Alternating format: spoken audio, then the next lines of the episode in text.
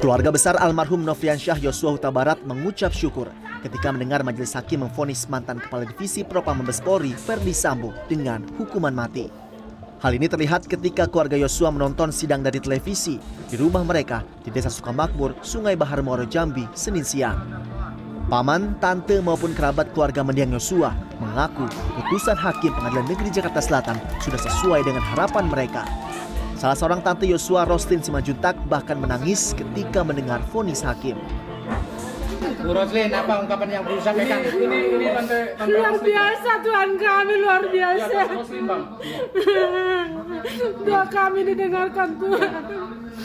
Akhirnya tercapai cita-cita keluarga. Tercapai apa yang kami harapkan.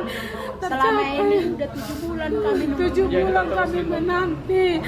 Terima kasih Tuhan, Kau dengarkan doa kami. Melalui handphone kekasih mendiang Yosua Vera Simanjuntak yang berada di Kabupaten Merangin, Jambi juga mengucap syukur karena hakim telah memvonis hukuman mati Ferdi Sambo. ya eh, kami dari pihak keluarga terlebih saya kekasih korban saya mohon eh, saya minta apa namanya mengucapkan terima kasih hakim yang mulia adalah wakil Tuhan yang sangat sangat mulia gitu sangat bisa melihat lebih hati nuraninya Sejak pagi keluarga almarhum Yosua mengikuti sidang kasus pembunuhan berencana yang dilakukan Ferdi Sambo. Bagi keluarga vonis mati telah memberi rasa keadilan bagi keluarga Yosua dan juga cermin tegaknya keadilan di Indonesia.